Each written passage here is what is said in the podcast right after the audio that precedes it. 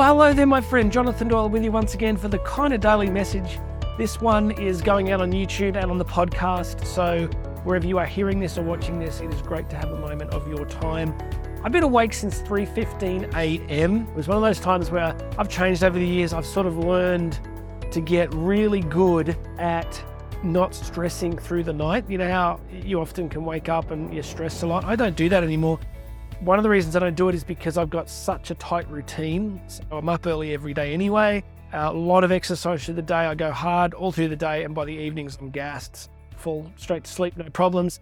But it took me about 30 years to figure out that ruminating at 1 a.m., 2 a.m., 3 a.m. doesn't work. So I kind of I've learned to manage my thinking really effectively through the night. And so, but I've also learned that if it's one of those nights when I'm just not not settled and I'm going to start thinking, I just get up. So I got up at 3:15 had some time for prayer and meditation. Uh, did a bike race on the stationary trainer bike, and then um, made myself beautiful for you for this video. And uh, yeah, I think at the moment it's still only what is it now? It's only six a.m. here, and uh, the day is just getting started. I've done a fair bit already. Energizer Bunny.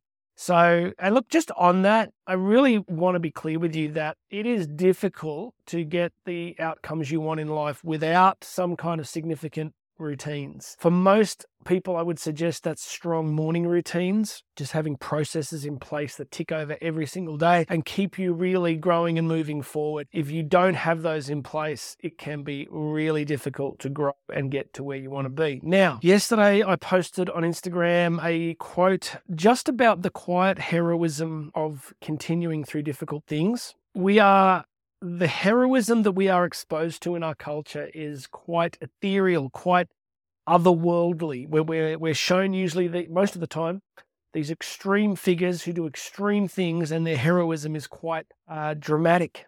Think of the franchise movies that we are uh, subjected to these days think of the characters that do these incredible heroic things. I'm thinking of is it Gerard Butler that does like done so many movies, Olympus Has Fallen, like he kind of like playing the same character over and over again. It's like average guy against the world doing amazing heroic things. So that's what we're exposed to. But I wanted to share with you an idea that there is a quiet heroism that manifests in your life by simply getting up each day, especially when things are difficult, and doing what needs to be done.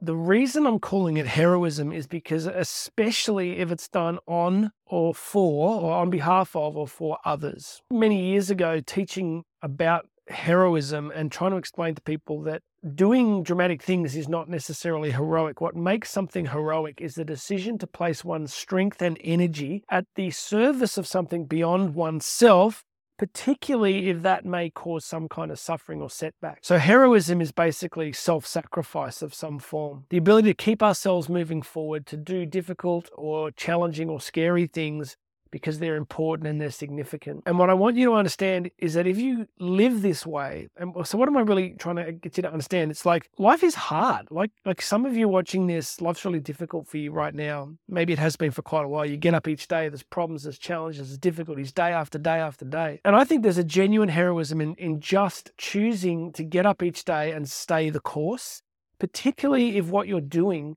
provides for a family, serves other people. I think it's quite noble. Our culture doesn't see it, but I think it's really important. Now, the other part of the quote from yesterday was that if you do this, if you live this way, over time, the payoff is you get this sort of quiet confidence from coming from your perseverance, right? If you have persevered over significant periods of time, there's a sort of self respect that emerges. If everything's been handed to you, if you've had a really what we call in Australia a rails run, uh, it's a horse racing analogy that the, the best place to be for a jockey is on the rails, on the, on the track rails. It's called a rails run and it's easy. So if life's been easy, it's hard for you to grasp some of these concepts. But if you do difficult, challenging, sacrificial things over significant periods of time, something changes in you. You become someone in the process. This is the principle I've taught for many years from classical Greek philosophy of eudaimonia. It's this idea that there is this potential within us and we actualize or, or bring this potential into the world through our concrete actions and choices.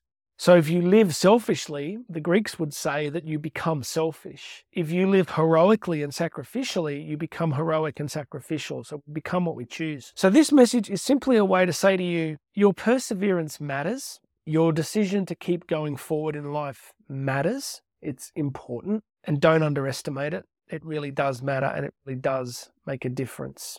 It makes a difference to other people. It makes a difference to who you become over time. So press on, my friend. That is the essential thing I want to do is just give you this word of encouragement that maybe it's all ahead of you today is making school lunches, emptying dishwashers and getting into the office on time. Maybe it's doing extra study because you're a student and you're exhausted. Maybe it's you're trying to lose weight and get fit and it's really hard. But this decision to just get up day after day after day is a really important one. All right, that is all I want to say to you today. Um, I'm going to be in the US. I've got a speaking tour in the US from September 5 to October 5. I've still got a few down days. I don't like down days. I don't like sitting around hotels. So if you are in the United States and you would like me to come and speak at your school, church group, business, organization, we can shape content specifically for what you need. So reach out to me here through the links below. Get in touch and we'll see if we can fit that in for one way or another. Go and check out all the other links. My new website's there. You can book me to speak. There's a whole bunch of good stuff. And uh, Instagram, Jay Doyle Speaks. Come and check me out on Instagram. I'm posting there as often as possible. All right, God bless you. Press on. Keep going. There is a quiet heroism in your life that is manifesting just by your decision to show up and do the best you can each single day. God bless you, my friend. My name is Jonathan Doyle. You and I are going to speak again very soon.